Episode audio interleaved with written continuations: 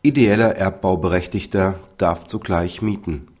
Geldreserve Ist ein Erbbaurecht mehreren Personen zuzurechnen, stellt die entgeltliche Gebrauchsüberlassung an einen der Erbbauberechtigten eine Miete dar. Der Kläger und der Beklagte im BGH-Fall sind je zu einhalb Erbbauberechtigte an einem Haus. Sie schließen unter anderem mit dem Beklagten einen Mietvertrag über eine darin liegende Wohnung der Kläger verlangt den Ausgleich offener Mieten an die Erbbaurechtsgemeinschaft. Der BGH stuft die Gebrauchsüberlassung als Vermietung ein.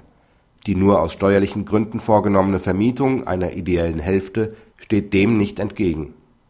Auch die Stellung des Beklagten als Erbbauberechtigter zu einhalb ist ohne Belang, denn die entgeltliche Überlassung eines gemeinschaftlichen Erbbaurechts an einen der Erbbauberechtigten ist ebenso wie bei einem Grundstück die Überlassung an einen Miteigentümer als Vermietung anzusehen Praxishinweis Die Beurteilung des Rechtsverhältnisses entspricht der zutreffenden herrschenden Meinung in Rechtsprechung und Literatur. Der Beklagte konnte daher gegen die Forderung der Erbbaurechtsgemeinschaft auch mit aus Mängeln der Wohnung resultierenden Minderungsansprüchen aufrechnen